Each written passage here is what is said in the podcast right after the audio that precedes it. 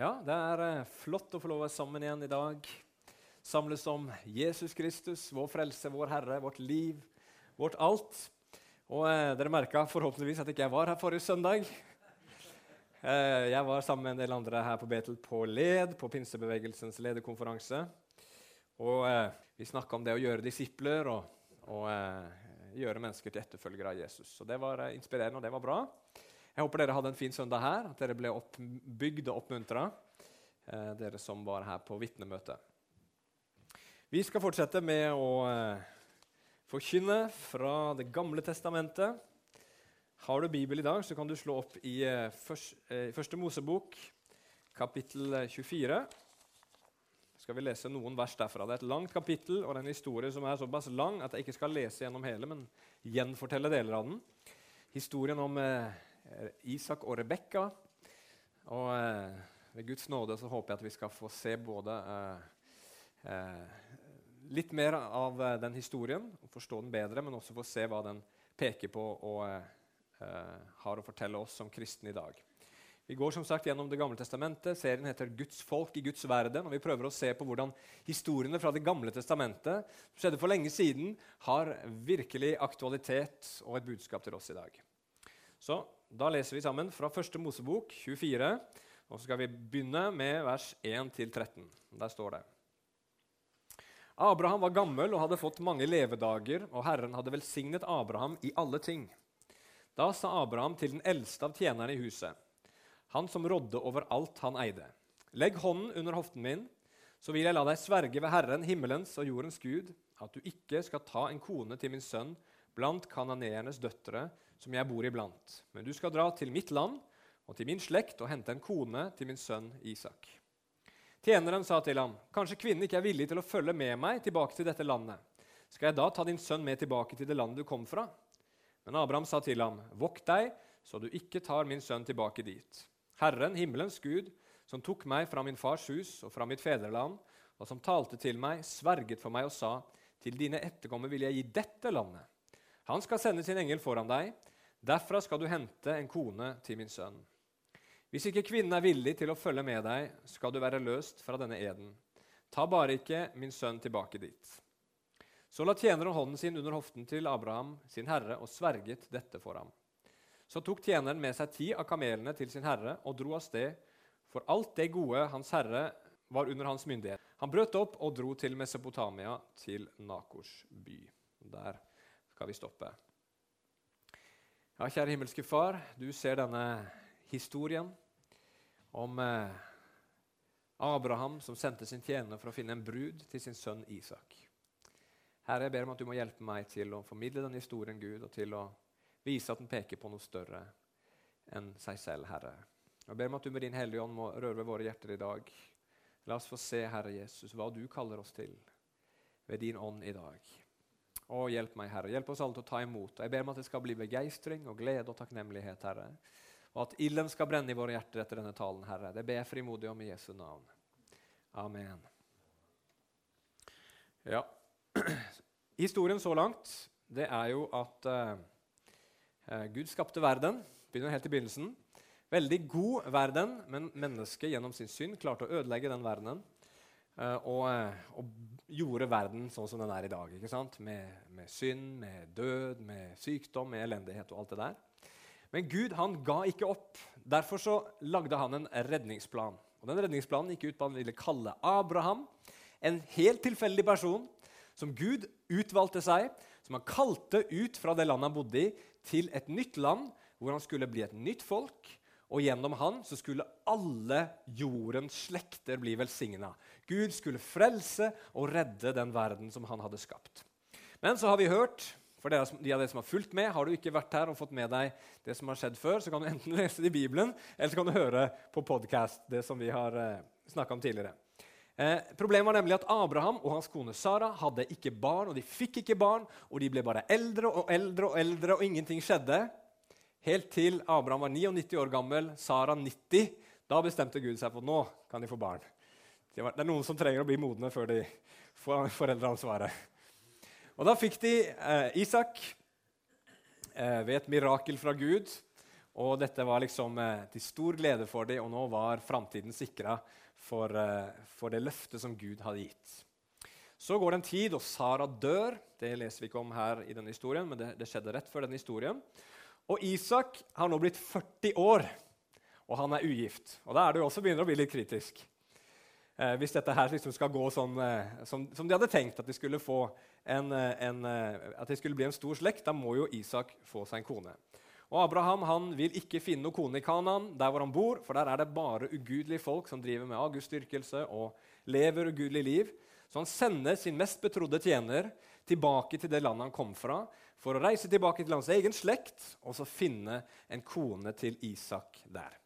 Og vi skal høre litt om hvordan den ekspedisjonen gikk. Vi skal se at det er en, eh, en historie som forteller om Guds trofasthet. Det er også en eh, ganske vakker kjærlighetshistorie hvis du graver litt under overflaten. Men så skal vi se som jeg har sagt flere ganger, at den peker på noe større. På en større far som sender en større tjener til å finne en vakrere brud til en større sønn. Og det skal vi få lov å høre etter hvert. Men la oss gå til eh, denne historien her, da. Talen i dag heter 'En vakker brud'. Og Vi skal finne ut hvem denne vakre bruden er. Men eh, når denne tjeneren da kommer til, eh, til eh, dette landet som Abraham kom fra, eh, så ber han Gud om et tegn. Altså, det bor jo sikkert massevis av jenter der. Hvilken er den rette? Så han ber Gud om et tegn, og det står i vers 14.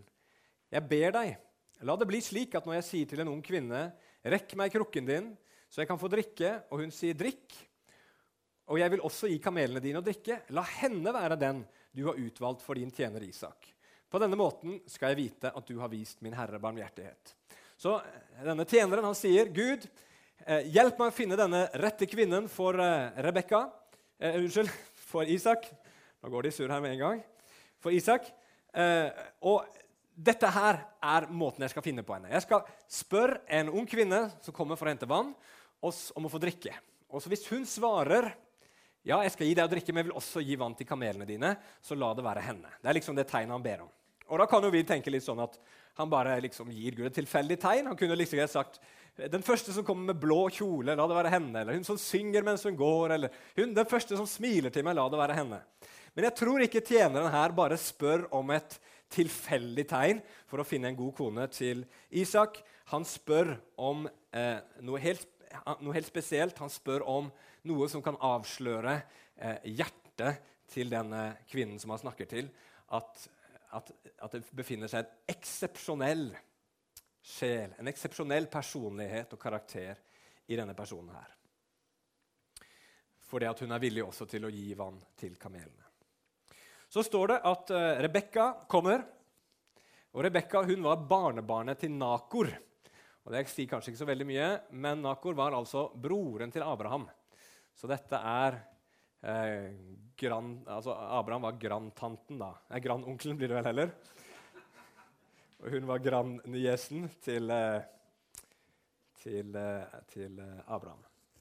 Det, og, og, hun er, en, hun er står det også i teksten at hun er jomfru, har aldri vært med noen mann. Men tjeneren han vet jo ingenting av det. Han bare ser en kvinne som kommer antageligvis med en eller sånn svær leirkrukke på skulderen for å hente vann i den brønnen som er utenfor den byen som han har kommet til. Det Han ser, det er en vakker, ung kvinne. Han tenker hm, kanskje det er henne. Og Så går han bort og så stiller han testspørsmålet sitt. Kan du gi meg noe å drikke? Og denne Kvinnen hun har allerede vært nede i brønnen Rebekka har vært nede i brønnen, henta opp vann, lagt den steintunge krukka på skulderen sin og så kommer tjeneren og, og, og, ber om vann. Og Hun tar denne tunge krukka ned fra eh, skulderen sin, gir han å drikke, og så sier hun og jeg vil også gi vann til kamelene dine. Dette her forteller oss noe om hvor eksepsjonell Rebekka er. For det første så var det ganske mye jobb å hente vann. Det står at de måtte gå ned i brønnen. Så det var liksom eh, en del arbeid bare å få tak i selve vannet. Og ikke nok med det, hun tilbød seg å gi vann til kameler. Jeg vet, ikke, jeg vet ikke så mye om kameler, men jeg googla det litt for å sjekke hvor mye drikker en kamel. Og når en kamel har vært på en lang reise og er skikkelig tørst, så kan den godt drikke 100 liter vann. Så fem bøtter, gode bøtter Jeg vet ikke hvor mye en sånn bøtte tar. Er det 10 eller er det 20 liter de bøttene tar? Kanskje bare 10? Ja, Så da blir det ti bøtter med vann da, for én kamel. Det noen som ville merke til hvor mange kameler denne tjeneren hadde med seg? Ti kameler hadde han med seg. Så hvis du er god til å regne, så skjønner du at det ble ganske mye vann. Hun her gikk antakeligvis og henta 1000 liter med vann da, for å gi vann til kamelene til den tjeneren. Og det sier noe om denne kvinnen. Ikke bare var hun vakker og ren, men hun var tjenende og hardt arbeidende. Det var noe helt spesielt med Rebekka. Og denne mannen blir, tjeneren blir grepet, tenker 'wow, er det henne?' Så han venter på at hun skal bli ferdig. Tar kanskje sin tid.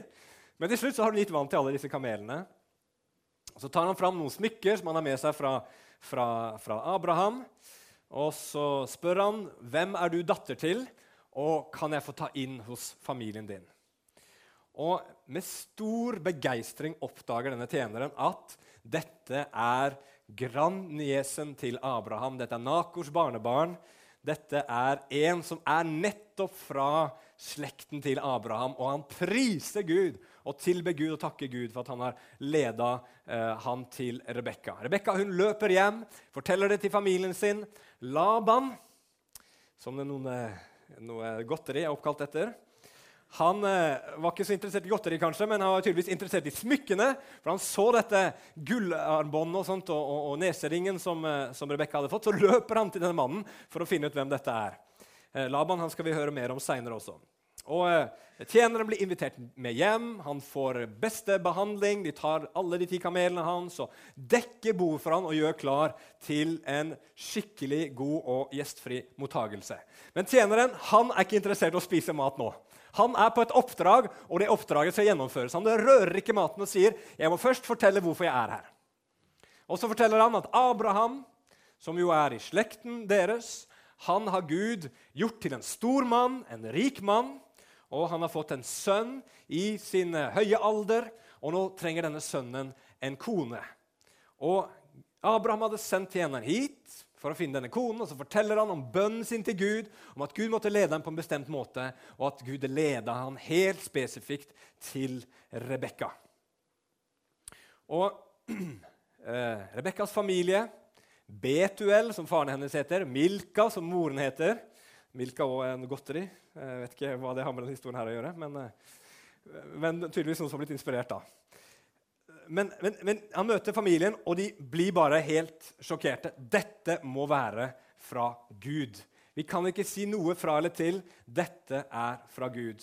Og så går de med på å, å la eh, Rebekka få reise med denne mannen og gifte seg med Isak. Og her kan vi jo liksom lure litt. Arrangert ekteskap? Hmm. Er det noe særlig? liksom? Er det noe vi kan eh, stå inne for i, i, i liksom 2018 nå? Er ikke dette her uh, tvangsekteskap, nærmest? Vel, ting ble gjort på en litt annen måte før i tiden. Det vet vi. Men vi kan i hvert fall se her at det var ikke tvang. Hvis du leser historien, så ser du at Rebekka ville gå. Antageligvis så skjønte hun at dette var fra Gud, og hun var villig til å gå og gifte seg med Isak. Eh, ja, ja, kan du si, men eh, hun visste jo ikke hvem det var hun skulle gifte seg med. Det var ikke sikkert hun eh, var klar over hva hun gjorde for noe.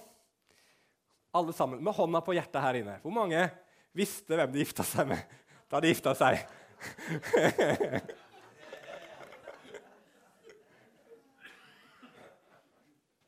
Du skjønner aldri hvem det er før du er, gifta, er gift, og da er det for seint.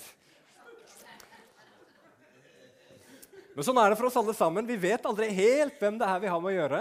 Vi tar en risiko og vi bestemmer oss for å binde oss til denne personen for resten av livet uten å vite 100 hvem det er vi har med å gjøre. Men jeg tror eh, kanskje noe har gått tapt i vår tid ved at vi nesten aldri involverer foreldrene våre når vi finner en vi vil dele livet med. Kanskje er det ikke så dumt å ta noen som har litt livserfaring, vet hva som, som eh, gjelder om 30 og 40 år, hvilken kvalitet man bør se etter når man skal forsøke å finne seg en god ektefelle. Jeg tror ikke det er så dumt. Og jeg tror eh, selvsagt at valget skal være hos de som gifter seg, og de som finner hverandre. Men at man kan, eh, at man kan få litt hjelp fra, fra visere mennesker enn seg sjøl, er ikke så dumt. Uansett, Rebekka er villig, og jeg tror det er først og fremst at de ser at dette er fra Gud, som gjør at de vil eh, at de går med på dette, både foreldrene og Rebekka selv. Og denne fyren, denne tjeneren til Abraham er så fokusert. Jeg blir så imponert over han. tenker min, hvor, lite fokusert jeg er sammenligna med han. For han, ikke, ikke, bare var det det første han ville gjøre, men etter at liksom, eh, disse foreldrene til Rebekka har sagt ok, det er greit, skal få, skal få, uh, hun, skal med, hun, skal få, gå med deg, og, og, og, sånn, så sier han ok, det er bra, jeg drar med en gang. Ja, vent, vent, vent. Vi må iallfall ha Rebekka ti dager til. Nei, nei, nei, det går ikke. Når jeg først har lykkes, så må jeg komme tilbake igjen til Abraham og vise at jeg har gjort det jeg skulle gjøre. Så uh, De spør Rebekka, Rebekka er med på det, og de velsigner Rebekka, og de reiser. Og så skal vi lese slutten på historien, som vi også ser i, i samme kapittel, første Mosebok 24, 61-67. Der står det der. Det er litt, nesten litt sånn romantisk hvis du ser godt etter.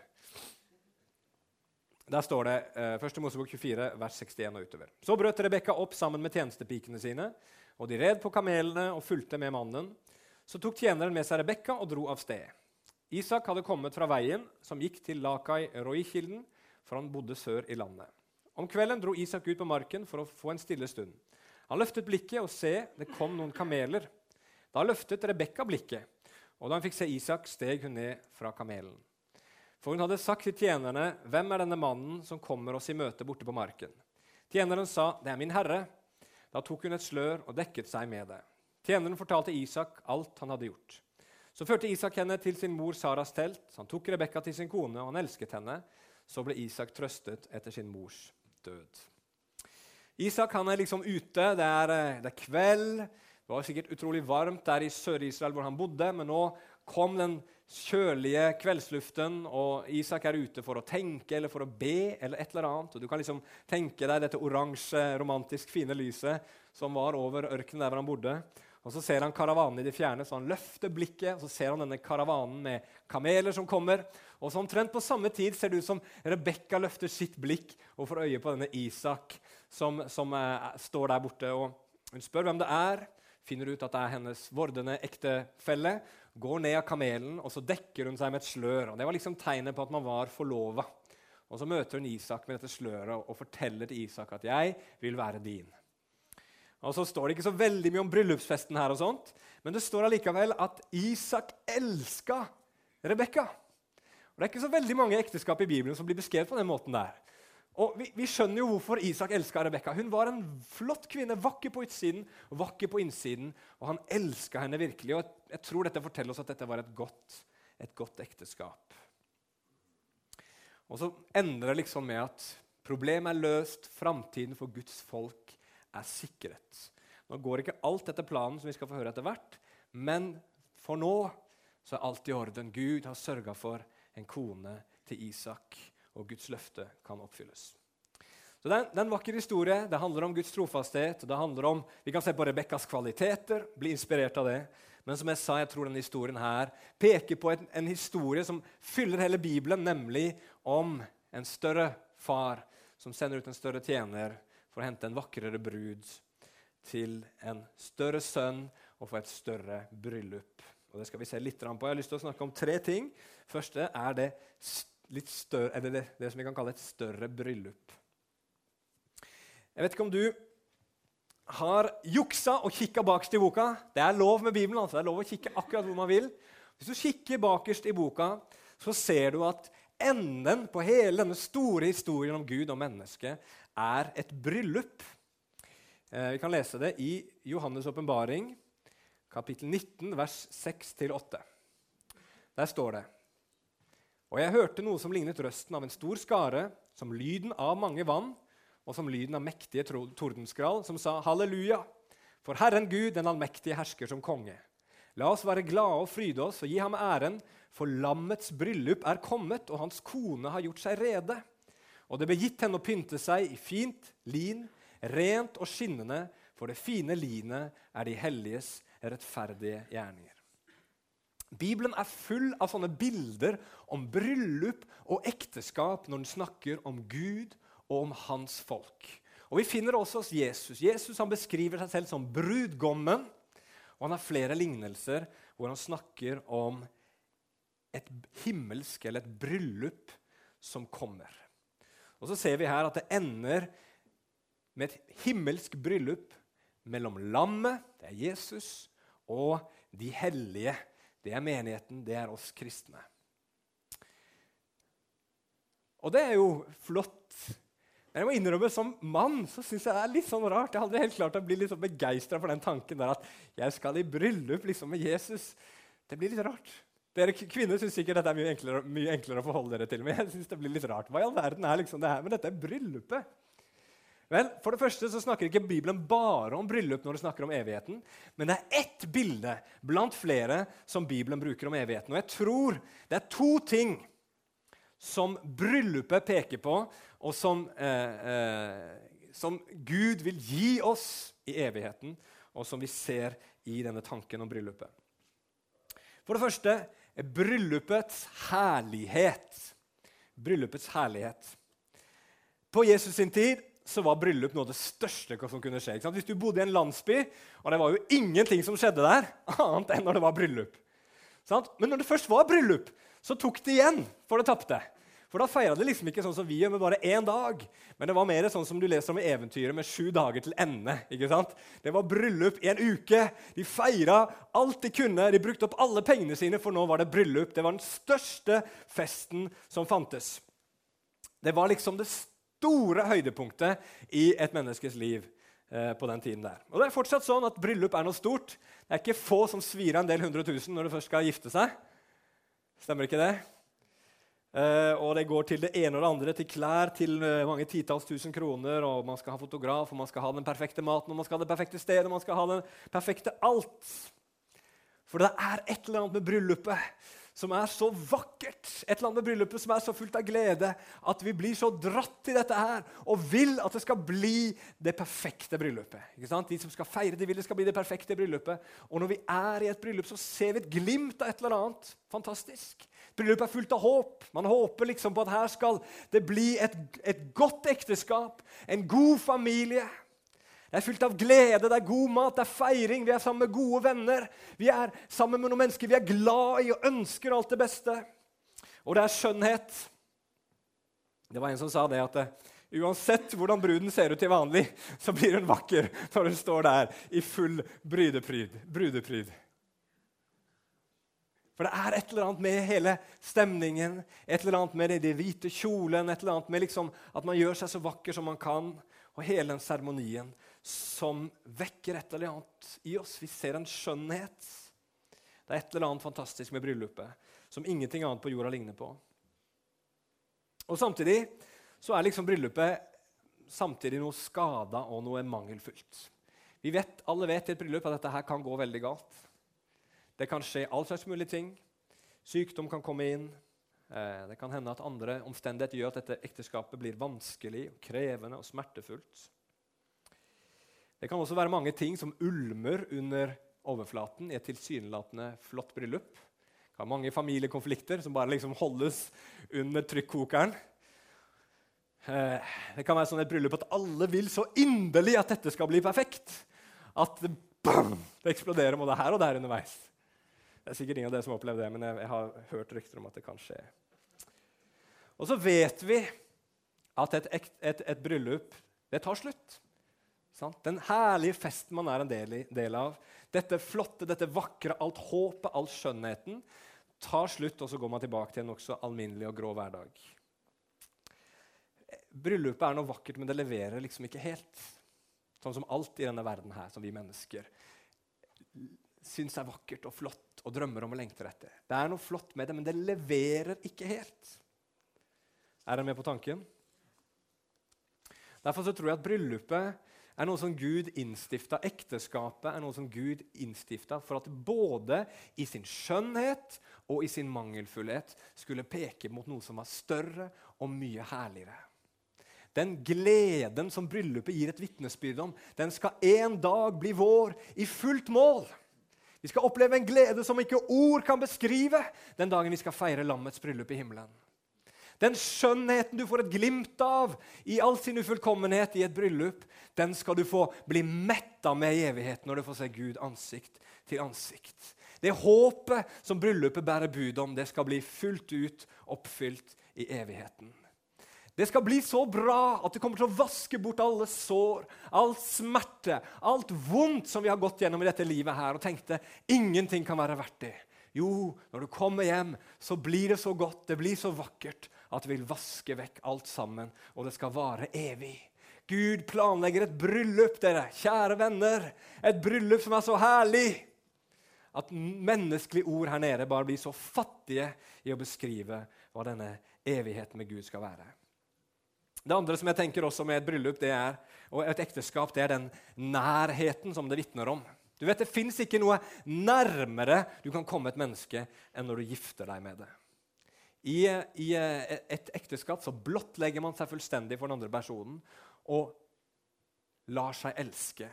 Og den andre personen blottlegger seg for én, og en bestemmer seg for å elske. To blir ett i ekteskapet. Grensen mellom to personer viskes ut. Man blir ett kjød. Eh, og jeg tenker Dette bryllupet som kommer i himmelen, jeg tror ikke det handler om stearinlys og romantikk og liksom disse tingene som vi ofte forbinder med bryllup, men at det handler om at vi skal komme nær Gud, så nær som det går an å komme. Det blir den dypeste forening mellom Gud og mennesker. Sånn som Isak elska Rebekka på sin ufullkomne måte og fikk lov til å være et lite, liten pekepinn på det at vi skal bli elska og erfare oss elska og være nær Gud for all evighet. Det blir vakkert. Det blir også umulig å beskrive. Vi skal oppleve at vi på alle måter kommer hjem. Og ikke bare det, vi skal komme nær hverandre på en måte som vi aldri kan oppleve her nede. Her nede så har vi skam, vi har frykt for hverandre, og vi skjuler oss, vi dekker oss til. Mens i himmelen så skal vi være så nær hverandre at vi skal få lov å tjene hverandre og elske hverandre. Og ha dype, meningsfylte vennskap og relasjoner til hverandre som er så tilfredsstillende at Jesus sier at seksuelle relasjoner og ekteskap og sånn, det kommer ikke til å være evigheten. Vi kommer til å være så nær hverandre at det blir noe som denne verden her bare blir en svak skygge av. Og dette her roper alle menneskers hjerter etter. Vi roper etter skjønnhet. Vi roper etter glede. Vi roper etter nærhet og ekte, gode relasjoner til Gud og til mennesker. Og Gud sier en dag så kommer dette i fullt mål. Det hjertet til alle mennesker roper etter, kommer i fullt mål når lammet skal feire sitt bryllup. Og Gud han vil invitere mennesker til dette bryllupet. Og Derfor sender han ut en større tjener og Hvem i all verden er den tjeneren da, som Gud sender ut for å finne en brud til sin sønn? Kanskje ville du sagt Jesus, kanskje ville du sagt Den hellige ånd, eller kanskje ville du sagt det er vi som skal ut og vinne mennesker til å bli en brud for Kristus, inn i Guds rike. Og du har i grunnen rett. Uansett hva du sier. Jesus kom for å oppsøke det som var fortapt, for å frelse det. Så dør han og står opp igjen, og idet han reiser opp til himmelen, så sier han til disiplene dere skal fortsette det jeg har begynt, og dere skal få kraft idet Den hellige ånd kommer over dere. Og Derfor står det også i Johannes' åpenbaring, helt mot slutten, i kapittel 22, vers 17, og ånden, det er Den hellige ånd, og bruden, det er vi kristne, sier 'kom'. Og den som hører, skal si 'kom', og den som tørster, skal komme og hver den som vil, skal ta livets vann for intet. Hører du det ropet som går ut fra Den hellige ånd, og som går ut fra oss som Guds menighet til verden, og sier, 'Kom, dere som tørster'? For det er nettopp det vi snakker om nå. Verden tørster! Og Jesus, han har svaret. Og vi skal fullt og helt få tilfredsstilt tørsten i vår sjel den dagen som lammets bryllup skal finne sted. Og du vet, Mange av dere som sitter der inne, sikkert alle sammen kan si jeg kom til Jesus fordi noen fortalte meg om han. Det var kanskje en forelder, det var kanskje en venn, det var kanskje en, en, en, en, barneleder, en pastor Uansett hva det var for noe. Det var noen som fortalte deg om Jesus, og som Gud brukte. Men samtidig så vil du si det var noe mer som skjedde. Det var ikke bare det mennesket, men det var Gud som kalte meg. Ser du det? At det ikke bare var det et menneske som brakte deg til Gud, men Gud kalte deg til seg. Gud kaller i dag, og han virker gjennom mennesker. Han virker gjennom oss for å kalle mennesker med til dette bryllupet. Gud han inviterer en døende verden til dette livet, og han gjør det gjennom oss. Og han har gitt oss Den hellige ånd for å utføre den oppgaven. Gi oss kraft til å vise mennesker at dette er virkelig, at dette er ekte.